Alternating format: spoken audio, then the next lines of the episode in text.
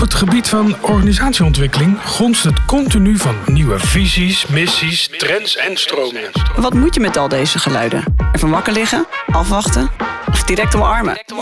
Immers, als je blijft doen wat je deed, blijf je krijgen wat je kreeg. In deze podcast bespreken we met visionairs en gebruikers wat de nieuwste ontwikkelingen zijn En we ontdekken samen wat er voor nodig is om er succesvol mee aan de slag te gaan. Kortom, welkom bij Morgen organiseren we Organiseren we anders. Vandaag duiken we in de wereld van virtual reality. In een digitale omgeving een 360 graden ervaring hebben van een plek waar je feitelijk eigenlijk helemaal niet bent. Handig om een toekomstige bouw te ervaren, maar wat moet ik er eigenlijk in mijn dagelijks werk mee? En hoe gaat VR onze manier van organiseren beïnvloeden? Ik kan me hier eigenlijk best weinig bij voorstellen, maar gelukkig heb ik twee heren bij mij aan tafel die ervan overtuigd zijn van de toekomst vol virtual reality en mij hierin gaan meenemen. En in alle eerlijkheid heb ik eigenlijk zelfs drie heren hier aan tafel. Ehm, ten eerste, rechts van mij zit André Scholten, inspirator die vooral ook werkt als agile coach optreedt, maar ook van alles van DevOps weet. En volgens mij ben je gewoon een duizendpoot. Gaan we veel meer van leren. En eh, aan de andere kant van mijn tafel zit Gideon Peters, eigenaar van Organize Agile en Organize Next en Scrum Company. Ik ben benieuwd wat hierna komt, Gideon. Ehm, en ook Reinier Aert zit aan tafel. Eh, collega van mij ehm, en volgens mij degene die alle technische en alle techniek dingen hieromheen weet. Dus hopelijk horen we jou ook nog zo eh, langskomen. Jullie zijn beide agilisten, maar wat jullie verbindt is een liefde ook voor virtual reality. André, wat hebben virtual reality en agile eigenlijk met elkaar te maken? Of is het puur toeval? Eh, nee en ja. Het is soms puur toeval. Maar wat, eh, eh, wat het echt met elkaar te maken heeft. Je wilt als team met elkaar samenwerken, bij elkaar zijn. En in de wereld waar we steeds meer afstand van elkaar moeten gaan nemen. Is dit echt de meest briljante oplossing om in dezelfde ruimte te zitten. Dus ja, dat heeft met elkaar te maken. En Gideon, wat is er dan zo tof aan VR? Ja, wat is er zo tof aan? Ehm, het is best lastig om dat in een podcast uit te leggen als je niet ervaart. Het is echt een ding dat je moet ervaren. Dus dat is meteen mijn flauwe antwoord. Maar wat ik er persoonlijk tof aan vind is ehm, wat ze in het Engels zo mooi immersion noemen. Hè? Dus je duikt een andere wereld in. Eh, je bent letterlijk in een andere wereld en daar is alles mogelijk zover als je eigen fantasie reikt. Eh, nou, nu ga ik het verder niet hebben over eh, wat er in ieders fantasiewereld eh, leeft. Maar laat ik het zo zeggen, eh, je hebt heel veel creatieve ruimte. En dat gaat dan over, hè, in ons geval vaak over samenwerking.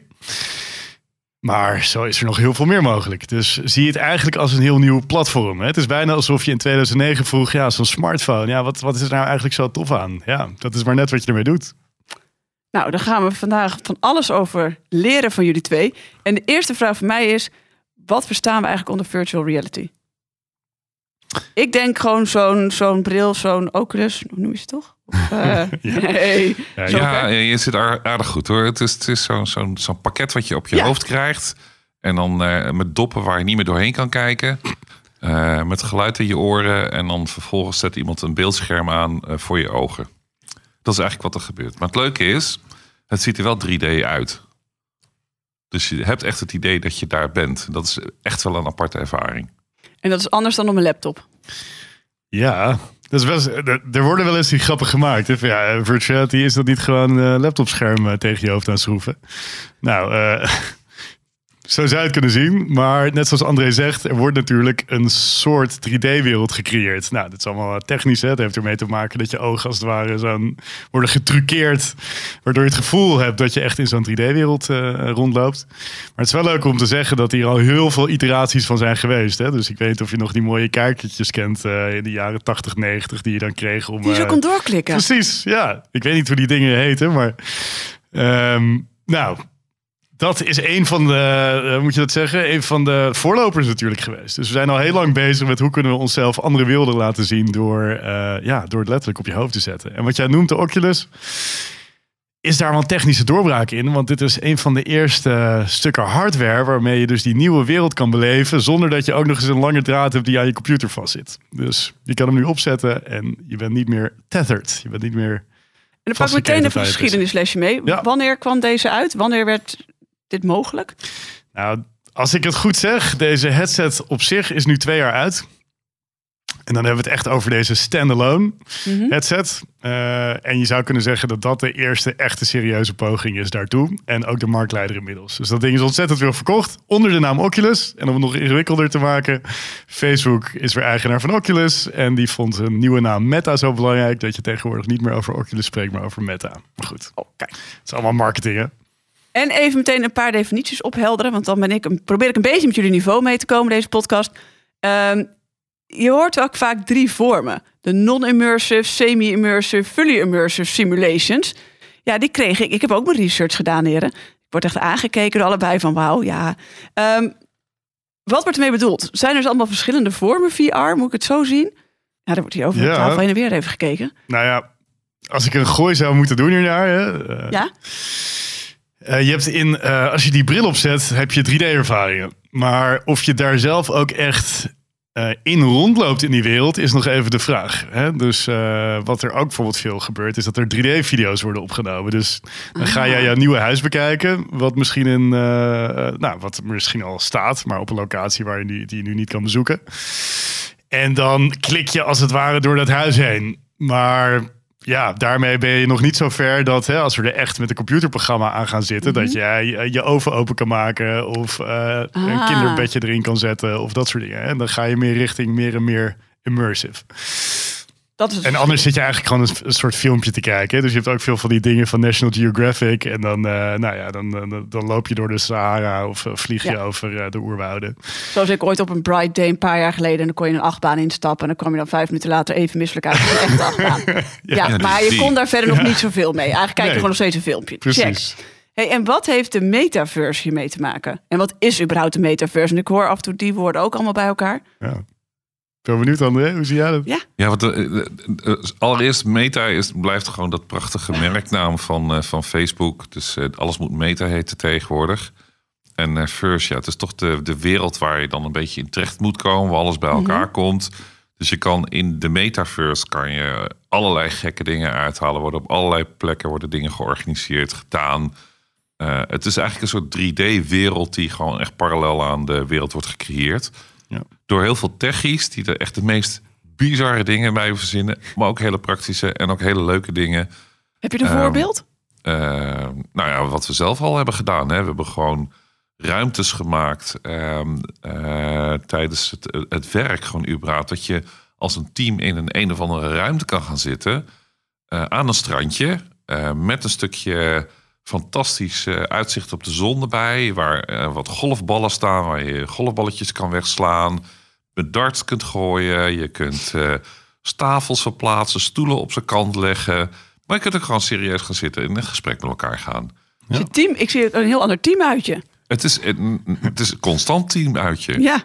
Eigenlijk is op kantoor gaan zitten het teamuitje geworden.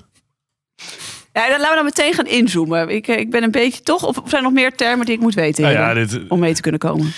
Nog even om, dat metaverse af te maken. Eh, officieel is het, het is eigenlijk science fiction die nu waarheid is geworden. Want het komt in een science fiction boek voor uit de jaren tachtig geloof ik, Snow Crash.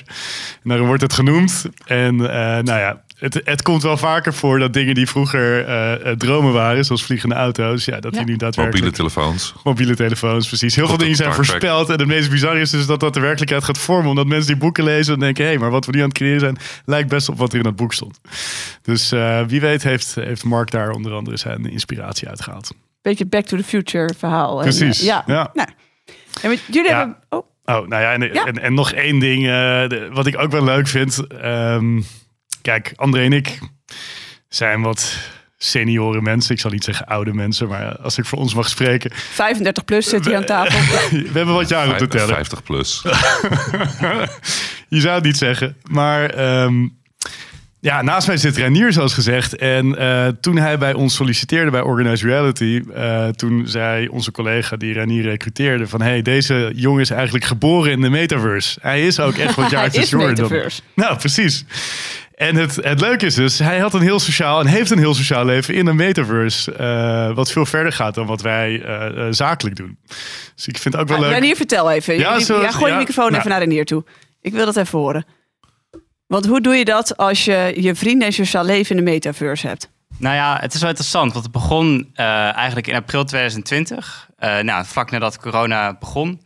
Eh, eigenlijk toen de tijd was ik al best wel geïnteresseerd in virtual reality, maar had ik eigenlijk nooit eh, de moeite genomen om het echt aan te schaffen. Eh, ook omdat ik eh, vaak op een kleine ruimte was, waardoor ik niet echt erg goed gebruik van kon maken. En toen ik ermee begon, kwam ik eigenlijk heel snel terecht in een metaverse genaamd VR-chat. En dat is eigenlijk een soort van virtuele wereld waar het primaire doel is om sociale interacties met andere mensen te hebben. En Gewoon eigenlijk wildvreemde. gewoon En dan ging je ook een potje mee golfen of zo, wat André zei. Dat soort dingen. Bijvoorbeeld, ja, zeg maar, VRChat op zichzelf is gewoon een platform. eh, en de gebruikers zelf kunnen daar allerlei soorten ervaringen bouwen. Dus je kan allerlei soorten minigames bouwen. Je kan ook gewoon verschillende soorten ruimtes bouwen waar je kan, gewoon kan relaxen. Dus er zijn heel veel verschillende soorten dingen die je daar eigenlijk kan doen.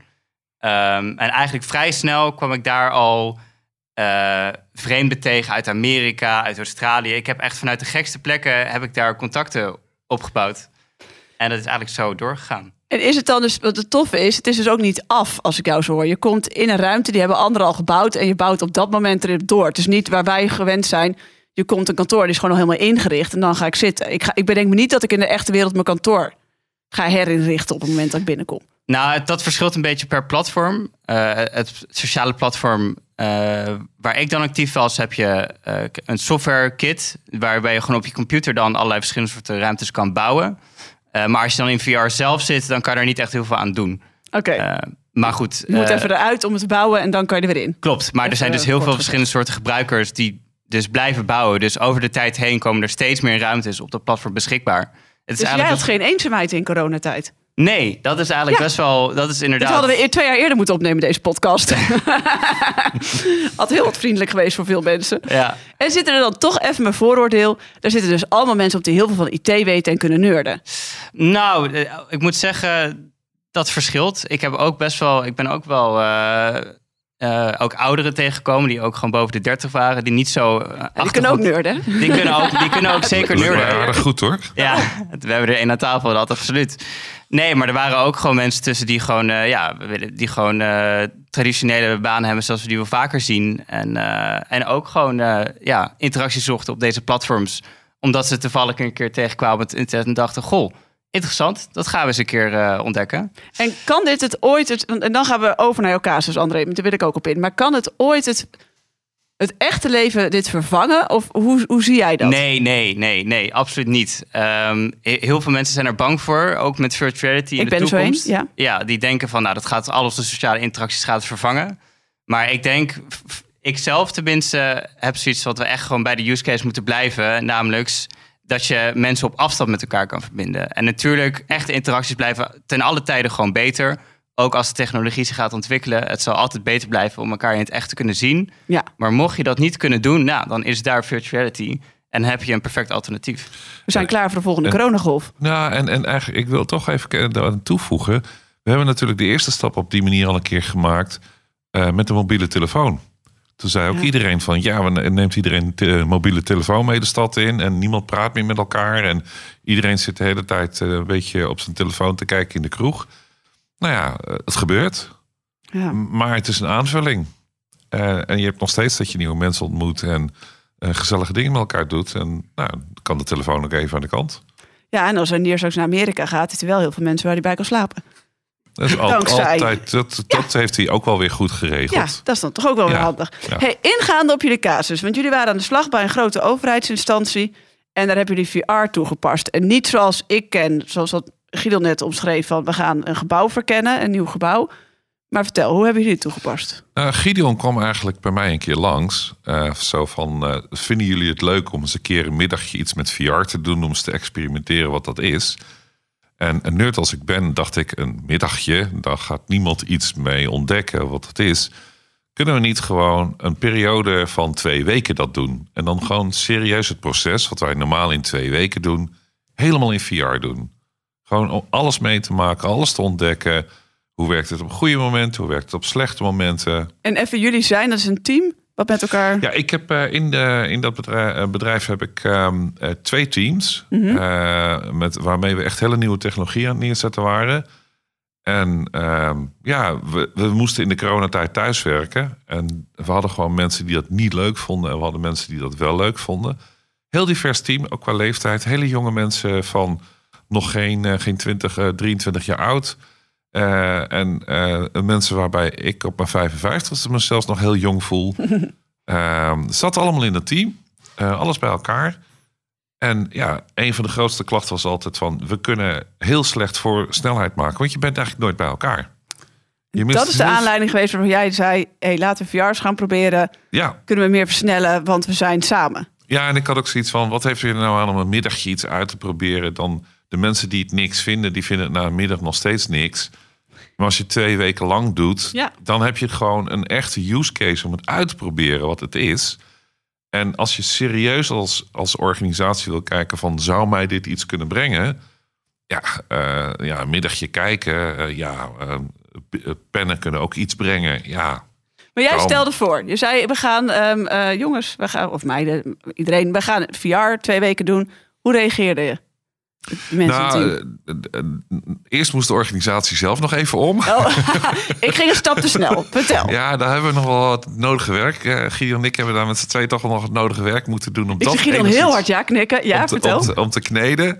Nou, daar hebben we elkaar ook wel gevonden, Gideon. Dat was, eh, dit was het moment dat we ontdekten van... hé, hey, eh, we hebben wel een klik. Klopt. Ehm, en toen ben ik het de teams gaan uitleggen. Nou, dat ging...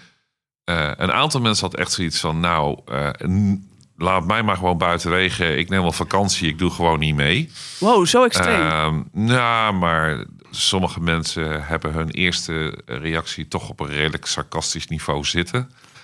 En er zaten mensen bij die alleen zeiden van, eh, nou ja, whatever. En er waren mensen bij die zeiden, oh gaaf, leuk, dat wil ik eens uitproberen. En eh, twee van die mensen heb ik toen het complot erbij ingetrokken. Zo van, eh, help mij mee, want dan moeten we heel veel dingen doen. Nou, die hebben we, toen hebben we eigenlijk met z'n vijven zijn we aan de slag gegaan. Hè, want eh Guido was erbij en eh, deze twee mensen waren erbij. Ehm, en eh, nou, hebben we leuke dingen gedaan, geprobeerd. En op een gegeven moment kregen we ineens groen licht. En we waren allemaal verbaasd. Eh, en was iets, wat gaan we doen? En we hebben toen nog drie weken de tijd genomen om het echt gewoon even goed voor te bereiden. Want ja, er moesten natuurlijk allerlei ruimtes worden ingericht. Ehm, we moesten heel goed nadenken over.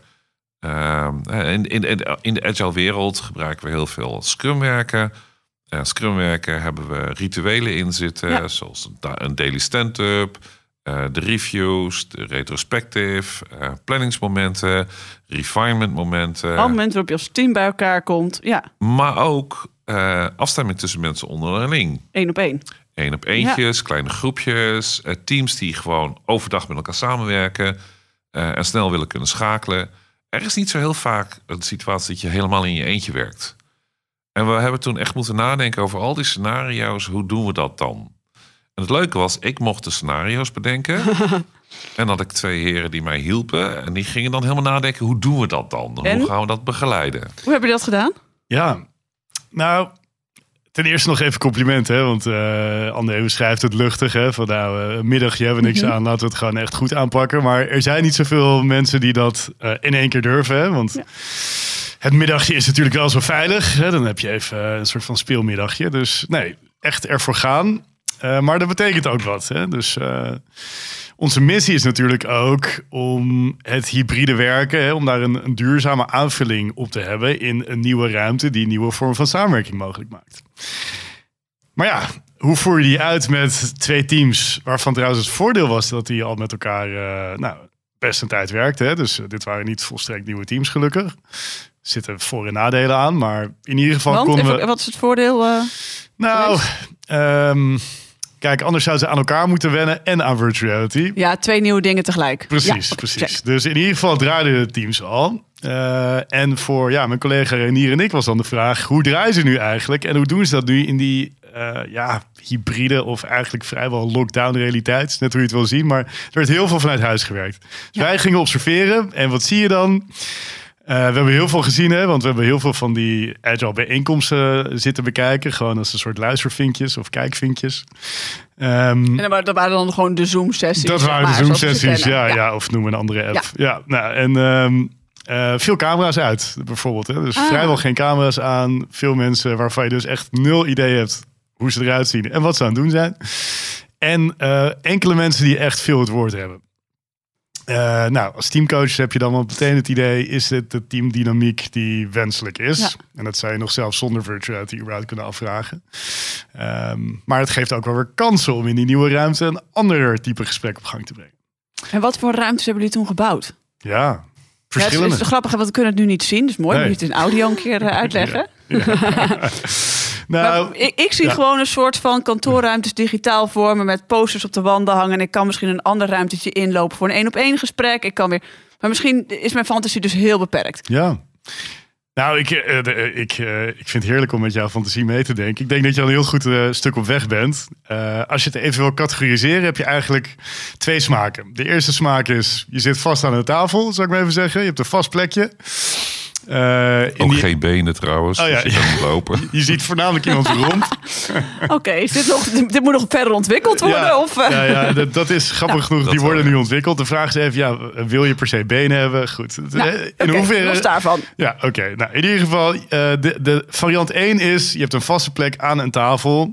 Die tafel kan rond zijn, die kan een soort van U-vorm hebben, maar je kan ook een collegeopstelling hebben met meerdere rijen achter elkaar. Maar, Maar je kan niet plek. even naar een andere ruimte lopen. Precies. Je hebt ook een buurman of buurvrouw. En eh, nou, net zo omdat jij nu dicht bij mij zit, Minke, hoor ik jou beter. Hè? Dus dat, die audio is er helemaal op ingesteld, alsof je in een echte ruimte zit. Ja, dat je kan fluisteren met je buurman Precies. tijdens het college. Ja. Precies. Ja. Nou, dat is variant 1. Variant 2 is de vrij rondlopen ruimte. Dus zie dat even als een soort van groot computerspel. eh, waarin je allerlei hoekje, gaatjes hebt. En dat kan je dan zelf ja, op allerlei manieren inrichten. Als een soort eh, museum, als een stadion, als een drijvende tempel. Eh, als een serie eilanden. Nou, net hoe je dat wil doen. Oh, het gevaar is echt dat je hier gewoon maanden gaat besteden aan zo'n ruimte maken. Deden we ook.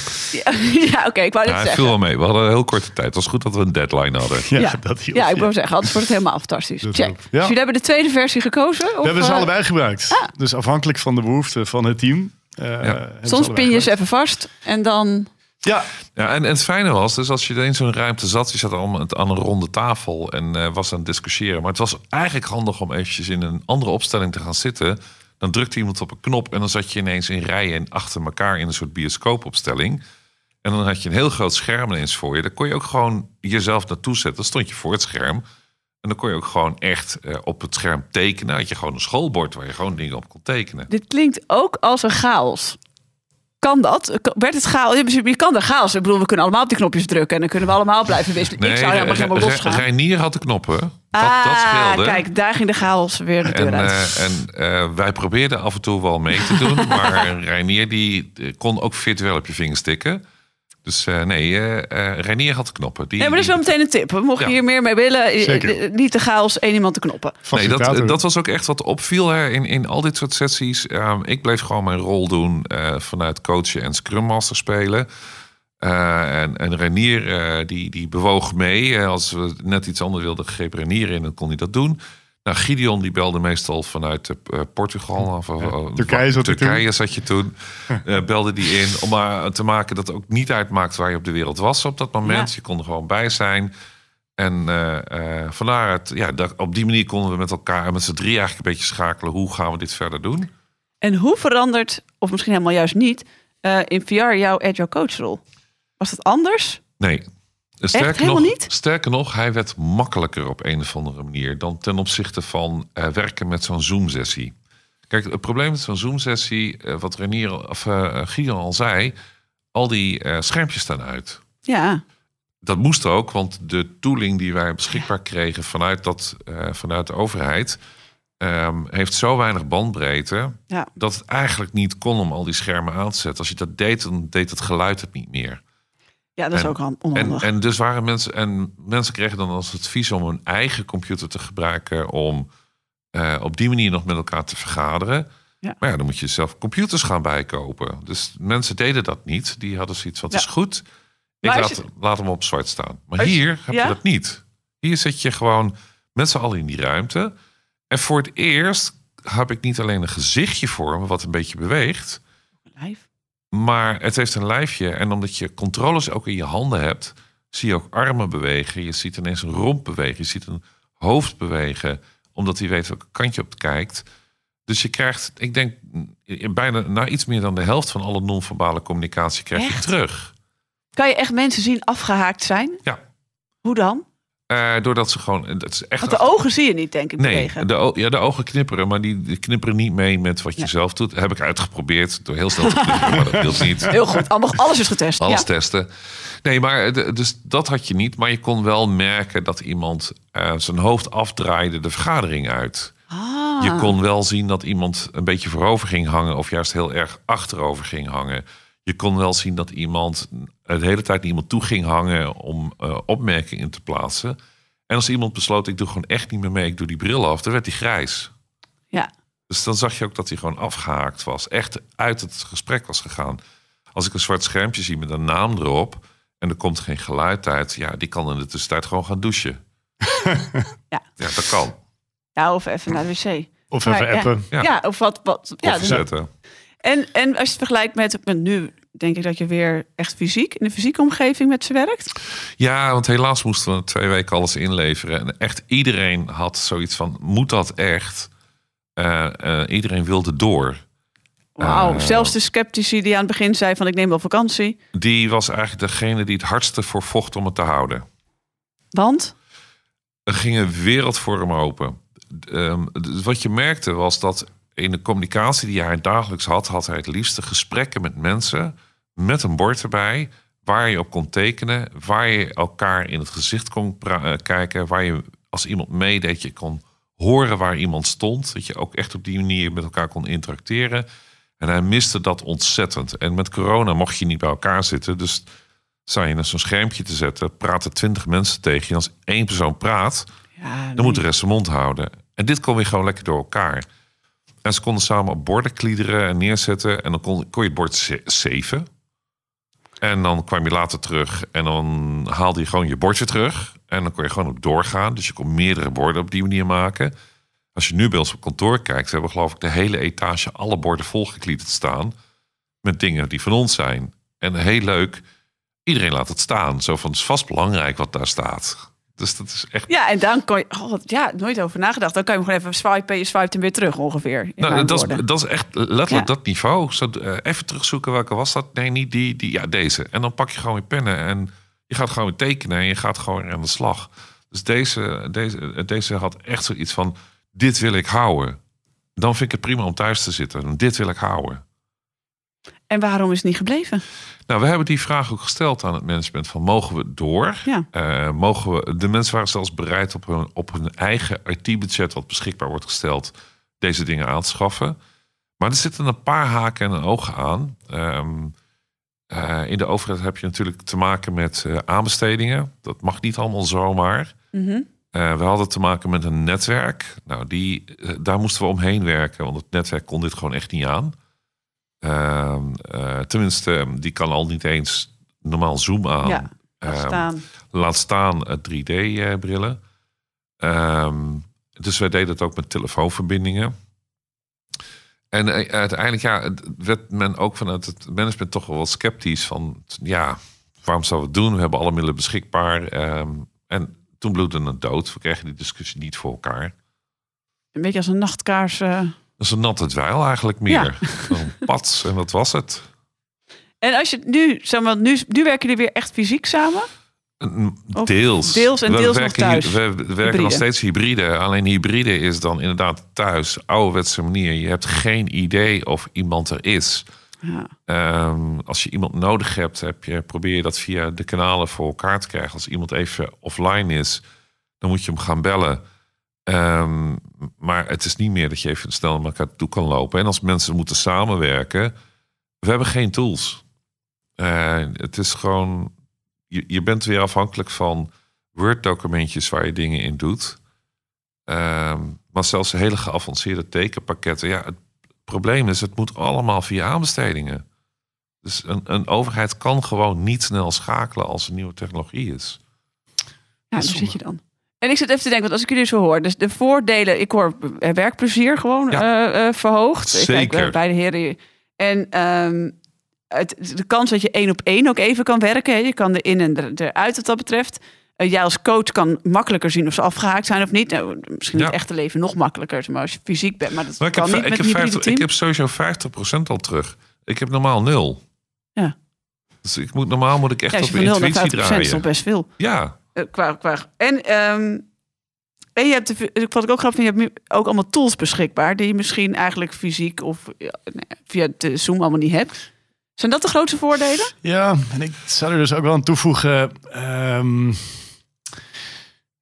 ja, het klinkt meteen heel zwaar hoor, maar emancipatie eigenlijk. Hè? Dus ehm, ik vind dat er een soort van equalizer, een soort van gelijkmaker zit van eh, op deze manier samen in die virtuele ruimte zitten. Hè? Dus eh, op Zoom, zou ik maar even zeggen, zijn dingen een beetje ongelijk verdeeld. Hè? De ene heeft zijn gebleurde achtergrondje, de ander zit in zijn studentenkamer met zijn vieze bed achter zich. En de andere heeft Ja. helemaal zijn camera uit. En dan heb je ook nog eens persoonlijkheidsverschillen. Hè? De ene is wat introverter, durft niet zo goed op de voorgrond te treden. Ehm, nou, anderen Ja. zijn wat meer aan het woord. Dus je hebt, allerlei, je hebt met allerlei Ja. karakters te maken en je hebt met allerlei visuele beelden te maken als je aan het zoomen bent. En in deze ruimte is iedereen gelijk in de zin dat je allemaal een poppetje bent. Je bent weer ongelijk in de zin dat je eigen poppetjes, zou ik maar zeggen, kan aankleden. Nou, en in dit team waren er behoorlijk creatieve types eh, zaten er tussen. Dus eh tulbanden en wat was het? eh, gekleurde haardossen. Ook wel eens lekker dat je een dagje mag hebben. Ja, Ja. precies. Dus, En iedere dag iets anders kunt doen, hè? Oh, lekker. ja, je, precies. Dus, Heel duurzaam. hoeft geen nieuwe kleren te kopen. Het is Nee. gewoon digitaal. Het Ja. is net wat je aan wil. Dus daar zit dan wel weer een grappige creativiteit in. Maar ik had dus het gevoel, hè, en dat is natuurlijk ook omdat ik die agile coachings achtergrond meeneem, eh, dat er een ander type gesprek op gang kan komen. Omdat er meer ruimte is. En dit is dan ja, niet als woordgrap bedoeld, maar dat er meer ruimte is om te participeren. Hè, dus jij zit als gelijke aan tafel. En ik heb het gevoel dat mensen meer de ruimte voelden. Maar eh, vertel me vooral klopt. niet zo is, André. Klopt, ze voelden, je merkte het ook echt. Je merkte dat mensen ook gingen praten die normaal heel stil zijn. En wat heel fijn was, eh, eh, wat, ik het meest grote voordeel van blijf vinden is... het zit zo dicht bij werkelijke communicatie. Eh, juist omdat ik kan met iemand fluisteren. Dus ik kan als coach ook naar iemand toe lopen... door gewoon op een knopje te drukken, dan zit ik ineens naast je... En dan kan ik rustig eh, even naar je toe fluisteren van wat, wat gebeurt er nou precies, wat is er nou aan de hand? Ja. En dan kan iemand terugfluisteren en eh, nou ja, ik vind het niet zo interessant. Oké, dan is het goed, dat maakt het verder niet uit. Eh, dat kan allemaal. Nou, dat, kan, eh, dat, dat moet je op Zoom niet proberen. Nou, maar zelfs fysiek soms bijna. Nou, maar fysiek kan dat ook. Je kan fysiek wel even naar iemand Even toe iemand lopen en eh, voorzichtig even aanstoten. Dat is Ja. maar net hoe je het doet. Hè. Het is Ja. natuurlijk ook een trucje. Eh, als je het op de ingewikkelde manier doet van ik stap met brede st- eh, stappen op iemand af, roep tegen iedereen, iedereen even stil, ik ga nu even praten. Ja. Dat kan je coaching noemen. Ja. Ehm, Heb je nou- ja. ja, Ieder zijn definitie van iedereen- coaching. i- iedereen heeft zijn eigen stijl erin. Ik doe het ietsje tactischer. Hey, en waren er nog verrassingen? Die, die, jullie, bedoel, je had een plan, hè? Het, moet, het team moet bij elkaar komen versnellen. Jullie eh, hebben de ruimtes gebouwd, uh, en Renier. Waren nog dingen dat je in één keer zo oplopte na een paar dagen dat je echt dacht, wat leuk? Of misschien niet leuk? Nou ja, eentje die ik wel leuk vond was... eh, wat Renier en ik als begeleiders niet hadden gedacht... is, je hebt iets dat heet Daily Stand-up. Dus het dagelijkse afstemkwartiertje. En wij hadden zoiets van, nou, eh, leuk om dat een keertje uit te proberen. Hè? Want dan, dan krijg je er een gevoel bij. Maar de kans dat het team dit zelf oppakt... eh, is waarschijnlijk niet zo groot. Want ja, Dat ze zelf naar elkaar toe gaan. Nee, dat ze ja, precies. Dat ze Ja. zelf dus zeggen: Kom, we gaan in virtuality even een kwartiertje bij elkaar zitten. Hè? Want je Ja. moet die bril opzetten, naar die ruimte gaan, bladibla. Maar ehm, nou, dat was, vond ik wel verrassend dat we dat zagen gebeuren. Eh, dus dat het eigenlijk dan uit het team zelf komt. Van hé, hey, we vinden het wel fijn om elkaar even zo in een kwartiertje te spreken over wat we aan het doen zijn. Dus ehm, Ja, dat werd consequent gedaan. En wat ik ook Ja. leuk vond, dat mensen daarnaast zeiden van... zullen we zo even naar die ruimte dan gaan? En dan gaan we met z'n tweeën nog even dit en dit lopen uitzoeken. En gewoon niet elkaar bellen of niet met zoomen. Gewoon hup, die bril op. Grappig. En gewoon doorgingen. Hadden mensen dan ongeveer dus, dus ook acht uur per dag die bril op? Eh, deed dat, dat? dat kon helaas niet, want op een gegeven moment is die leeg. Oh, ja. Ehm, Eh, hoe, hoe lang gaat hij mee? Even... Nou, als je, als je er een kabel aan hing, dan kon je het wel vrij lang volhouden. Dan kon je acht uur misschien wel halen, maar dan was je wel helemaal stuk. En als je dan de bril afdeed en je gaat rondlopen, dan is de werkelijkheid wel eens heel virtueel geworden. Eh, dus dan moet je echt even weer kijken. raad ook niet aan om 24 uur die bril op te hebben. Nee, dat wel. Als je het 24 uur doet, is Ja, prima. dan maar zet je hem dan niet af. niet. Eh, nee, maar wat, wat, de, je merkte wel dat als je hem een uur of twee op had gehad... dan werd het echt wel tijd om hem even af te zetten. Ja. Even de hond uit te laten. Of eh, in ieder geval even weer te gronden. Eh, even je ogen weer tot rust te laten brengen. Ja. Want je merkte echt dat, je, dat het toch wel een aanslag deed op je ogen. Ehm, en ehm, ja, de, hele dag zou ik er niet mee gaan rondlopen. Je hebt gelukkig tegenwoordig ventilatoren erbij, dat je even een beetje koeling over je gezicht kan laten komen. Maar je zweet ook nog in dat ding. En eh, het was wel lekker om het af en toe kwijt te zijn. Ja, en je hebt extremisten hoor. Ik door Renier die hier naast me zit, die, eh, die heeft daadwerkelijk een hele dag hiermee besteed. Er zijn ook gevallen eh, bekend van mensen die slapen met zo'n bril op. Ja, ik weet niet waarom ze het doen, maar... eh, Wacht even. Ranier, heb jij ooit met zo'n ding op geslapen? Dan wil ik even... Ik ga even een snelle interventie doen. Van die verrassingsvragen zijn dat. Ja, nou ja, ik heb het inderdaad een keer gedaan. Eh, dit was ook eh, een dingetje die eh, op mijn bucketlist stond. Ehm, We hebben hele andere bucketlist items, jij Ja. ik, maar vertel. nou ja, ik was er wel een keer benieuwd naar. En ik heb het eh, volgens mij eh, een maandje of twee à drie terug... heb ik dit inderdaad een keer geprobeerd. Ehm, kan ik het aanraden? Nou ja, als je heel nieuwsgierig bent... nou, misschien wel proberen waard. Maar, Maar, je hebt toch je ogen dicht, dus wat heb je eraan? Ja, nou ja, het is, het, het is toch een soort van bijzonder gevoel of zo. Ik, waar ik vooral heel erg naar benieuwd was, is hoe voelt het dan als je in slaap bent gevallen en je wordt wakker en je wordt wakker in een virtuele ruimte? Dat, dat gevoel was ik heel erg benieuwd naar.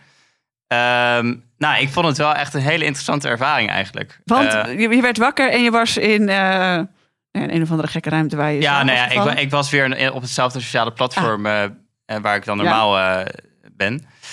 En eh, ik had gewoon hele, ja, ik had een hele soort van Aziatische tempel had ik uitgekozen. En dan inderdaad om wakker te worden in zo'n Aziatische tempel is toch wel een heel lekker gevoel.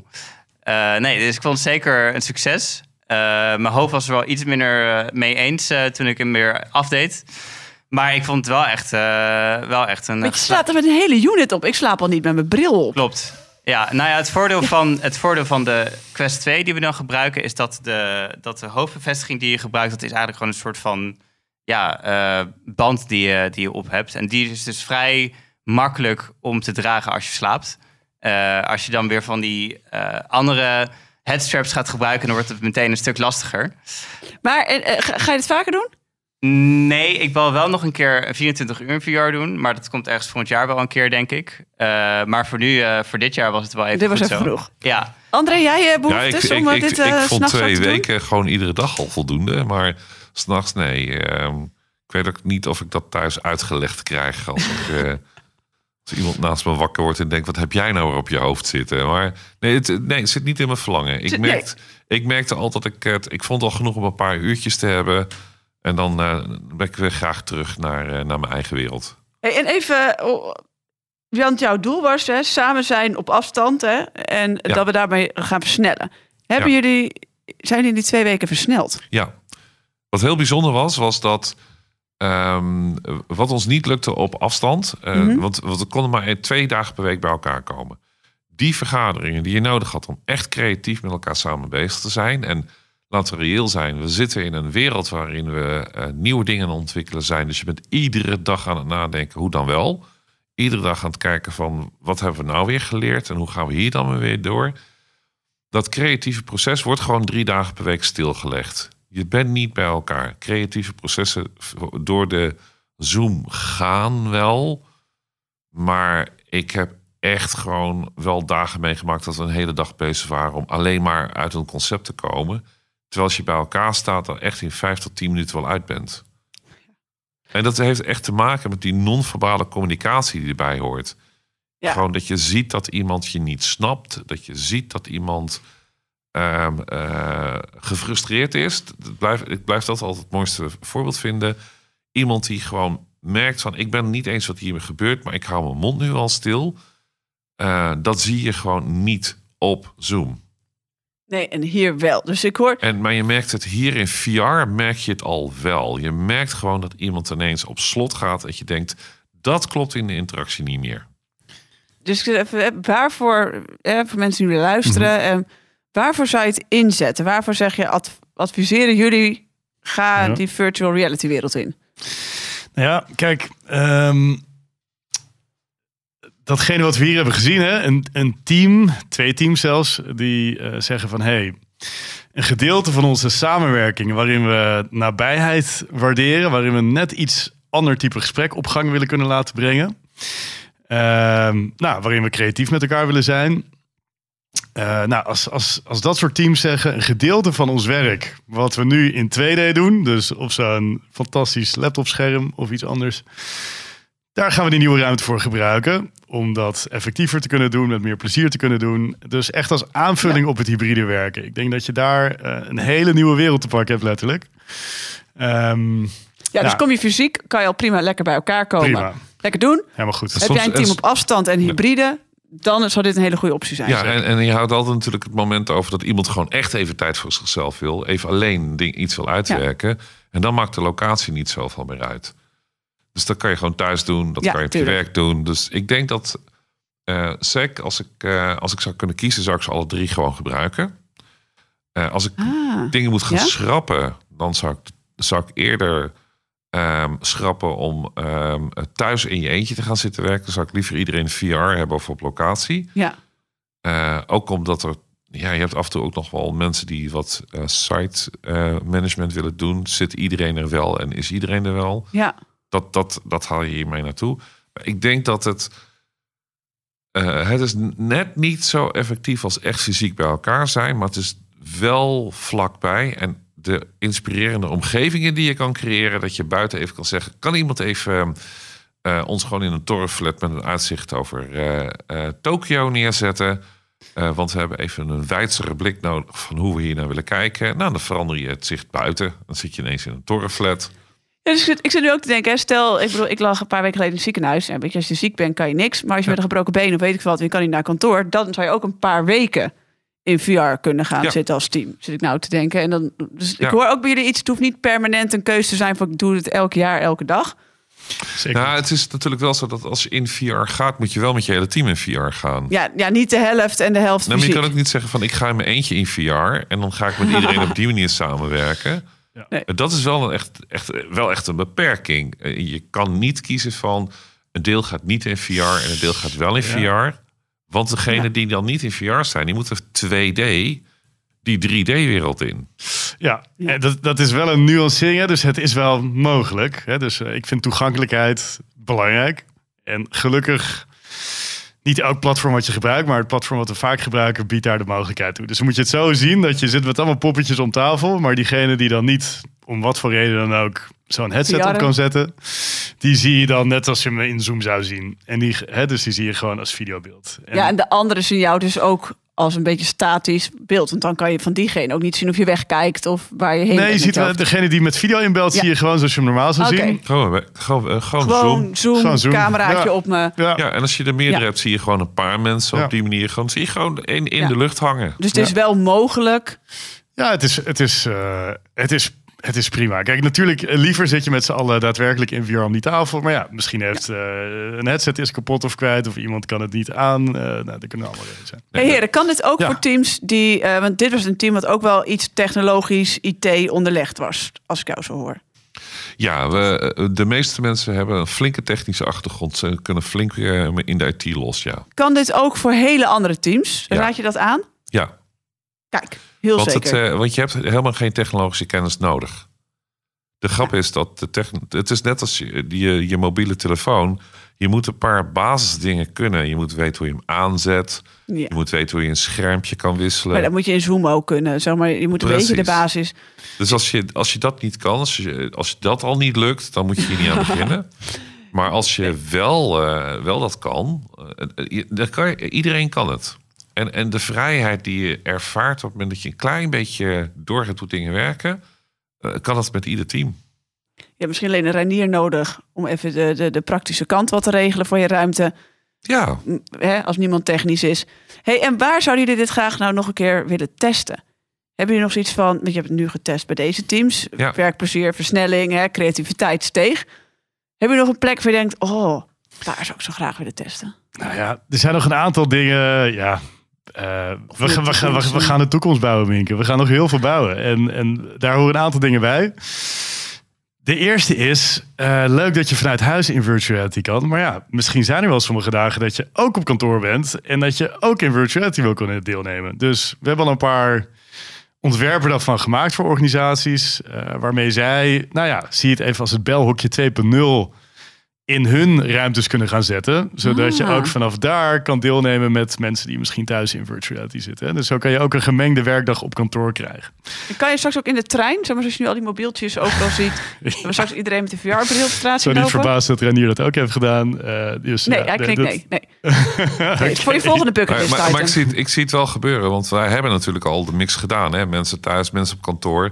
Alleen het zag er heel gek uit, want dan loop je de kantoorruimte in. Er zitten allemaal mensen met een bril op aan een bureau. Ja. En dat is, dat, je ziet Ja. hun gezichten niet meer. Dus je hebt echt zoiets van, waar is mijn bril? Anders kan ik niet meedoen. Ja. Nee, dus, en je wilde nog wat testen volgens mij, zei Gideon. Nou nee, dus, dus dat is één, Ja? hè? echt de fysieke, eh, het fysieke. Ehm, en als je het hebt over meer de verspreiding hiervan. eh, kijk, eh, er komt steeds nieuwe technologie uit. Dat is het leuke. Dus wat André zei, ik heb veel zitten knipperen in VR. Maar je ziet, hè, ik heb zitten, sorry, ik heb in mijn echte ogen zitten knipperen. Maar je zag het niet in virtual reality. nou, de nieuwe headsets die nu uitkomen hebben dan zogenaamde face- en eye tracking. Hè? Dus die volgen letterlijk hoe je aan het kijken bent. Je hele grimas, hè, je hele non-verbale gezichtsuitdrukking. En die wordt doorvertaald. Nou, is dat op dit moment al perfect? Ook nog niet perfect, maar het is er. Dus eh, nou, dat type bijeenkomsten hosten, ja, dat is nu voor ons weer de volgende frontier. En natuurlijk ook gewoon zorgen dat het opschaalt in Nederland. Want hoe kunnen wij nu een werkklimaat hebben waarin mensen gemiddeld aangeven twee, drie dagen per week thuis te willen zijn? Ja. En we ze niet faciliteren met extra ruimtes en middelen om ook op vernieuwende manieren samen te werken. Maar te zeggen, nou, veel plezier en ga lekker achter je laptop zitten. Gaat VR ook zorgen voor nieuwe organisatievormen? Ja, dan hebben we het echt over de toekomst van organiseren. Ja. Ja, Ja. Ik, ik, ik, ik zie die mogelijkheden wel komen. Kijk, er zijn, eh, we werken nu natuurlijk al ehm, in heel veel bedrijven met twee operationele modellen naast elkaar. Hè. We hebben een soort, soort productontwikkelingsmodel waar wij als coaches heel veel ons werk in doen. En dan heb je de bestaande organisaties ook, die ook erg belangrijk zijn. En eh, waarin de echte hiërarchie nog bevindt. En wat zich bezighoudt met hoe gaat het bedrijf dan welke kant op. Ja. Dus die twee modellen blijven voorlopig naast elkaar staan. Wat ik wel aan deze manier merk, is dat je veel meer nog de nadruk kan gaan leggen op die, eh, die netwerkachtige eh, operationele eh, model, waarbij je de hiërarchie steeds minder nodig hebt. Want ook als je met elkaar in gesprek bent, wat, wat was nou de reden waarom we ehm, dingen centraal gingen coördineren? Nou, omdat je elkaar snel moet kunnen vinden en besluitvorming Ja. Eh, een, een lastig onderwerp kan zijn. En als je dat, dat je het altijd lastig is om mensen bij elkaar te krijgen die dat moeten. Nu is dat niet zo lastig meer, want locatie is niet meer nodig. Kan je onmiddellijk ter plekke Ja. regelen. Eh, dus het betekent ook dat je als bedrijf ook gewoon je hele manier waarop je je organisatie stuurt, heel anders kan aanpakken. Je kan gewoon een team inlopen door een druk op de knop. Je hoeft niet in een auto te stappen en twee uur te rijden naar het volgende kantoor. Je hoeft niet naar een ander gedeelte van het gebouw. eh 25 etages omhoog en dan een half uur later bij een keer. Je bent er gewoon onmiddellijk. Ja. En als mensen zeggen van... Goh, wij komen hier eigenlijk niet uit... en we kunnen deze beslissing zelf niet nemen... dan druk je op de knop en kan je je manager er even twee minuten bij halen. Je hoeft Ja. niet tw- 20 minuten te lopen naar het kantoor... langs de secretaresse. Heeft hij misschien even tijd dat hij even mee... moet hij weer mee teruglopen. Nou ja, en je baankansen worden ook weer breder, weet je. Ja. Ik bedoel, als ik naar Amerika... Ik, ik heb geen zin om daar telkens heen te vliegen. Maar als ik het op deze manier kan doen... Nou, Ja. Of wat dacht je van mensen met een, eh, een eh, beperkte eh, kans in de markt op dit überhaupt? Omdat je in een rolstoel zit of dat je blind bent of dat je eh een Oké, maar hier zeg je iets interessants. hebt. Een blind iemand in virtual reality? Ja, waarom niet? Een vriend van mij is blind. Die ziet misschien niets. Maar dat ziet hij in de... In, Ziet hij sowieso in- niet. Ziet hij sowieso niet. Maar vanuit, een bril, eh, vanuit zo'n bril heeft hij wel ineens knipperende ogen. En eh, is hij wel ineens een, een soort handicap kwijt... die in virtual reality er niet meer is... en die hij in zijn eigen wereld wel heeft. Dus een, een vriend, die vriend van mij is blind... en hij is echt super intelligent, super handig. Hij, ehm, hij, hij heeft gewoon een eigen bedrijfje opgericht. Hij eh, handelt in ehm chalets, dus gewoon fysieke houten dingen. En waar je van denkt, dan moet je toch echt kunnen zien. Nou, hij tikt op het hout en dan hoort Ja. hij... is dit nog goed? Moet dit geverfd worden? Moet dit vervangen worden? Iedereen is als de dood als hij het komt kopen. Want hij haalt alle verborgen gebreken Ja, eruit. die- die zintuigen zijn veel beter weer ontwikkeld. Maar dat is dus echt heel bijzonder, want Ja? hij wordt vervolgens niet serieus genomen op de arbeidsmarkt. Terwijl hij eigenlijk heel veel meer te brengen heeft. Ik geloof er heilig in als we dit meer gaan toepassen, dat dit soort mensen daadwerkelijk hun volle vermogen kunnen inzetten. Nu krijgt hij een waarjong uitkeringje, maar in principe hij zou gewoon, uh, hij zou gewoon. Uh, Zo'n interessante bijvangst, dus dat je, ja, misschien Ja. Moet, moet, je- moet, moet je helemaal niet als bijvangst zien, moet je misschien wel als hoofdinzet eh ik, ik, denk dat, doen. ik denk dat inclusiviteit gewoon als, als onderwerp. Je hebt hier gewoon enorme grote kansen om, om, om dat soort dingen eh, echt mee te nemen, echt, echt neer te zetten. Ja, en Minke, als je zei nieuwe organisatievormen. Kijk, Ja. binnen bestaande organisaties, eh, en dan heb ik het echt over recente ontwikkelingen. Ja. Hè, maar eh, Accenture, die consultancy giant, nou, daar kan je allerlei meningen over hebben. Maar die hebben hun eh end floor, de ende etage, hebben die gebouwd. Eh, oftewel een eigen ruimte waarvan zij zeggen: eh, dit is waar wij elkaar virtueel kunnen ontmoeten. Hè? Dus dit is eh, ja, bij het Rijk dan. Hè, heb je zogenaamde Rijksontmoetingscafés, als ik het goed zeg. Die, die heb ik op plekken gebouwd zien Die ken worden. ik nog niet. Oké, nou, die schijnen Wauw. te bestaan. Eh, overigens, klein zijverhaaltje, maar de, de herinrichting van een van die rijksgebouwen hebben we ook met de toekomstige gebruikers in virtuality alvast uitgetest op die locaties. Maar dat is weer een andere toepassing. Ehm, maar als je dus over organisatievormen hebt, ja, die zeggen dus: ons kantoor heeft een permanent verlengstuk in ja, dan de metaverse, hè, dus in die nieuwe virtuele ruimte. En we verwachten dat teams elkaar daarin gaan vinden. Salesforce die gaat nog een stapje verder. Die zegt, nou, ook eh, als je het over hiërarchie hebt, hè, zoals André. Hoe doen we dat nou met beslissingen? Nou, bij Salesforce was het al zo dat, er, eh, eh, dat het vrij gemakkelijk was voor iedereen in de organisatie om te zien hoe er in de boardroom wordt gesproken. Maar de boardroom eh, eh, komt nu ook gedeeltelijk virtueel bij elkaar. En daarmee hopen ze ook toegankelijkheid weer te vergroten. En ook weer andere type gesprekken op gang te brengen. Dus ook dat voorbeeldgedrag natuurlijk op dat niveau gaat heel veel helpen bij het verspreiden van dit soort nieuwe vormen van samenwerking. Ja, transparantie is natuurlijk steeds makkelijker. Dat is het. Ja. Het is als je 6000 man bij elkaar in één ruimte pro- moet proberen te krijgen, Ja. dan is, moet je de rij ongeveer afhuren. Maar dan hoor je niks. Maar als je iedereen gewoon in dezelfde ruimte neer kan zetten en het is virtueel, dan hoor je alles. Eens. En je kan er gewoon meedoen. Nou, ik, jullie gaan me lang. Ik, dit is heel grappig. Gideon moet lachen. Er komt namelijk langzaam een glimlach op mijn gezicht. Deze scepticus, die wordt ook, die wordt ook langzaam blij. Het heeft even een paar minuten geduurd. Ik, Ik hoor het experiment aankomen. Een podcast in VR. heb nou ook nog een laatste vraag. Ehm, en die precies echt vanuit mezelf. Kan VR bijdragen aan de uitdagingen van deze tijd? Hè? Je hebt klimaatproblematiek, personeelstekorten, nou, ja, politiek waarin passes eh, gebeuren. Ehm, je hebt hem al een stukje beantwoord qua inclusiviteit. eh, doet het volgens mij wat. Ja. Nou ja, je zou qua klimaat wel kunnen zeggen... Je, ja, je ver- verkeer neemt af, maar je datacenter neemt misschien toe. Hè, wat, Ja, oké, wat- maar dat ik, is weet niet, ik weet niet wat, wat zwaarder weegt. Nou ja, dat, dat kun je natuurlijk altijd overwegen. Kijk, datacenters is altijd een, eh, een interessante discussie. Maar we weten ook dat technologie iedere twee jaar ongeveer verdubbelt aan mogelijkheden. Eh, en we genereren daar. eh, we zijn de laatste jaren vooral bezig aan meer hitte en meer troep aan het genereren. En we zijn ook daar aan het kijken, kan er meer circulair en kun je Ja. meer dingen op een andere manier doen. Eh, de beruchte datacenters die worden gebouwd als een luchtdichte kokonnen eh, waar kabels aan vastzitten. Die worden op de bodem van de zee neergelegd om te koelen. Die heb je op dit moment al. Ja. Als er iets kapot gaat, nou ja, jammer. Eh, op, na tien jaar is hij toch helemaal kapot. Dan halen we hem dan er weer uit. Maar eh, Maar Dat- voordat we de hele datacenter discussie... maar kan, kan VR aan... Hoe, zien jullie dat? Heeft VR een rol in om aan dit soort wat dacht je- problemen bij te dragen? Wat dacht je überhaupt al aan een rode telefoon tussen Amerika en Rusland, wat gewoon VR is in de plaats van een telefoon? Dat die mannen gewoon even tegenover elkaar kunnen gaan zitten aan een tafel. On the Menselijker. spot. Ja. On the spot. Eh, dat we in staat zijn om even eh, in de politiek gaan dingen mis. Oké, kunnen we even heel snel bij elkaar komen? Wanneer dan? Ja, volgende week vrijdag. Nee, gewoon nu. Gewoon dat je nu dingen kan doen. Het feit dat je nu dingen kan doen, dat gaat heel veel brengen in, aan de, eh, meehelpen aan de huidige problematiek. En natuurlijk gaat het ook heel veel problemen opleveren. Dat doet alle nieuwe technologie. We gaan nieuwe afvalstromen krijgen. We gaan nieuwe eh recyclingachtige dingen uitvinden. Want iedereen moet zo meteen die brillen eigenlijk ook weer uit elkaar kunnen halen en weer Ja. kunnen vervangen en dat soort dingen. Gaat ook allemaal komen. Ehm, maar ik denk dat dit echt een enorme stap kan zijn. En we zitten gewoon in een technolog technologische sprong op dit moment. Sowieso op alle gebieden al. Ik denk dat deze sprong echt wel door gaat zetten. Kijk, wat ik interessant vind is. eh, hier zijn eigenlijk twee grote gedachten over. Als je naar de maatschappij kijkt. En dan met name op het onderwerp verbinding. Hè, onze sociale infrastructuur. Hoe verhouden mensen zich eigenlijk tot elkaar?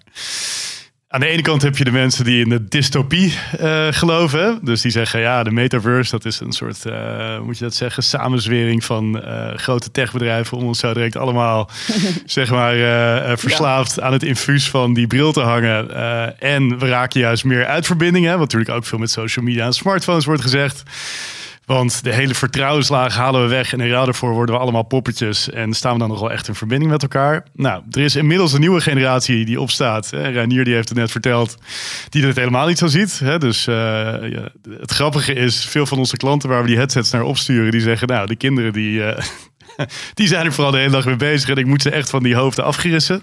Eh, voor hen is het een hele natuurlijke, intuïtieve omgeving. En is het vrienden maken met mensen uit eh, Australië, Canada, Saoedi-Arabië, waar dan ook. Helemaal niet zo eh, gek. Sterker nog, eh, versterkt het hun sociale infrastructuur. Hè? Dus tegenover de mensen die het als dystopie zien, heb je ook voldoende mensen die zeggen: hé, hey, maar wacht eens even, hier kunnen nieuwe en waardevolle verbindingen ontstaan van mensen die, waar, waar tussen de afstand anders veel groter zou zijn. Dus een van de grote gevaren die ik zie in de samenleving, die van polarisatie en verwijdering. Ik hoop, en technologie is in die zin natuurlijk neutraal. Hè? Je kan het voor het goede en het kwade inzetten, zou ik maar zeggen. Maar ik hoop dat wij het zo kunnen inzetten dat die verbinding versterkt en dat die polarisatie vermindert. Dat is even een wens die ik uitspreek. En, en ik denk dat ik het glimpje heb zien gebeuren toen mensen uit mijn team zeiden: Ik wil dit helemaal niet. En aan het einde zeiden: Ik wil niet meer anders. En dat in twee weken tijd. Ja, en dan, ik bedoel, die halve dag was kort, maar ik vind twee weken ook nog best kort. Ja, maar voor deze mensen, Ja. voor, voor, voor Dat mijn team en snel. voor mij, was het echt na een week al zoiets dat we dachten: Oh wauw, we willen eigenlijk hier Ja. niet meer vanaf. En na twee weken hadden we zoiets van: Ja, dit is doodzonde om dit te laten schieten. En als we het toch over timing hebben, eh, hè, zo'n team en ik onthoud me de exacte cijfers, maar wat ik, wat ik ongeveer herinner is dat een sprintplanning, hè, dus even het plannen van je cyclus, van je twee weken zeg maar, nou, er ging normaal makkelijk 2,5 uur, zo niet meer aan op. Ik geloof dat het in virtuality in anderhalf uur gedaan was. Ook daar versnel Nou, je. het kan een lucky shot zijn geweest. Hè. We hebben niet een hele mooie datareeks, maar eh, het zou er best wel eens mee te maken kunnen hebben gehad dat mensen eh, sneller met elkaar en effectiever met elkaar konden praten.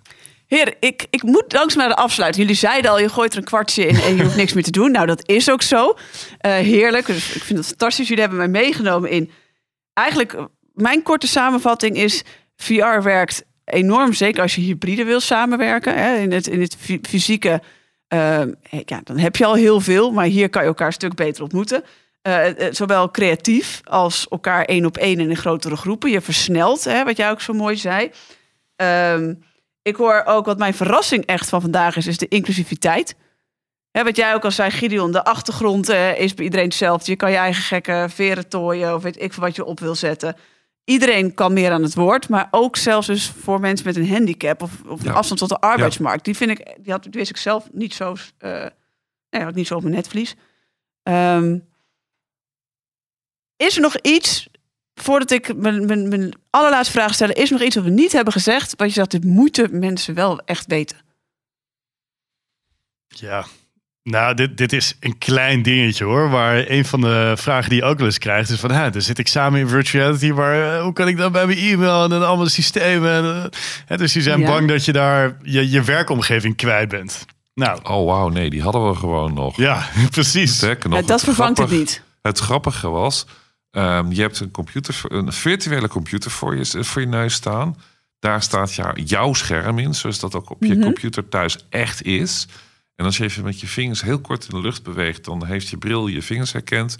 En zit je gewoon met vingers op je toetsenbord te typen, terwijl het beeldscherm gewoon aanpast. En als je denkt van, goh, kun je even meekijken, pak je gewoon je hele beeldscherm. Die zet je gewoon in de lucht neer en dan kunnen mensen met je meekijken. Echt letterlijk zoals de fysieke wereld. Nou, Zeg maar, stapje de- verder. Ja. Oké. Maar dit- het voelt echt fysiek. Het was zelfs, zelfs mob-programming. hè, Dat is iets wat we doen als we met zes, zeven man tegelijkertijd met één computer gaan werken. Zodat iedereen maximaal met elkaar in overleg is. Gaan we dit nou op deze manier doen? Zelfs op dat moment, het, het was beter bijna dan de realiteit. Bijna nog een podcast hieraan wijden. Ehm, als ik er nou nog veel meer over wil weten, en dat wil ik. ehm, is er literatuur, zijn er blogs waarvan jullie zeggen, zoek dat even op. Nou ja, kijk, eh Renier, hè, die, die een hele dag in virtual reality heeft zitten werken, die heeft daarover geblogd. En daar vind je ook bijvoorbeeld deze case terug. Hè. Dus we hebben deze case beschreven. Er zijn ook filmpjes van, hè, dus je kan ook zien hoe dat er dan in 3D uitzag. Ehm, nou, dat vind je terug bij Organize Reality. Ja, hè. dus die zet ik in de voetnoot van Precies, de podcast. komt allemaal mooi in de show notes, dus daar kan je eh, daar meer over lezen. Andere suggesties nog? Het is nog zo jong, hè? Er zijn nog niet hele boeken, maar het is misschien ook een beetje ouderwets voor VR. Nee, ja, maar ik denk dat dit soort dingen ook gewoon heel erg helpt. Gewoon eens aan mensen vertellen Ja. Wat, je, wat je- mensen in, persoonlijk in, in, in, de echte wereld hier mee hebben ervaren. Die gewoon even de durf hadden van laten we eens proberen. En dan terugkoppelen. Ja, ik bedankt. Eh, André, Ranier, Gideon. Ik vond het een feest met jullie aan tafel te hebben. Jullie hebben deze scepticus, en dat was ik echt vol overtuigd, echt een stukje meer. eh, nou ja, ik, ik zie waar het werkt. En ik kan echt zien dat het veel meer gaat werken. Dus ik ben benieuwd hoe we over tien jaar eh, organisaties aantrekken. Of die allemaal een N-room hebben waar iedereen met zijn Oculus op zijn hoofd loopt. En wat we dan allemaal niet kunnen zien aan gezichtsuitdrukkingen bij elkaar. Waar dit heen gaat. Bedankt voor nu. Ja, dankjewel. Veel plezier. Benieuwd naar nog meer ontwikkelingen in de toekomst en hoe je die vertaalt naar de praktijk van nu? Volg ons op je favoriete podcastplatform. En weet, morgen organiseren we anders.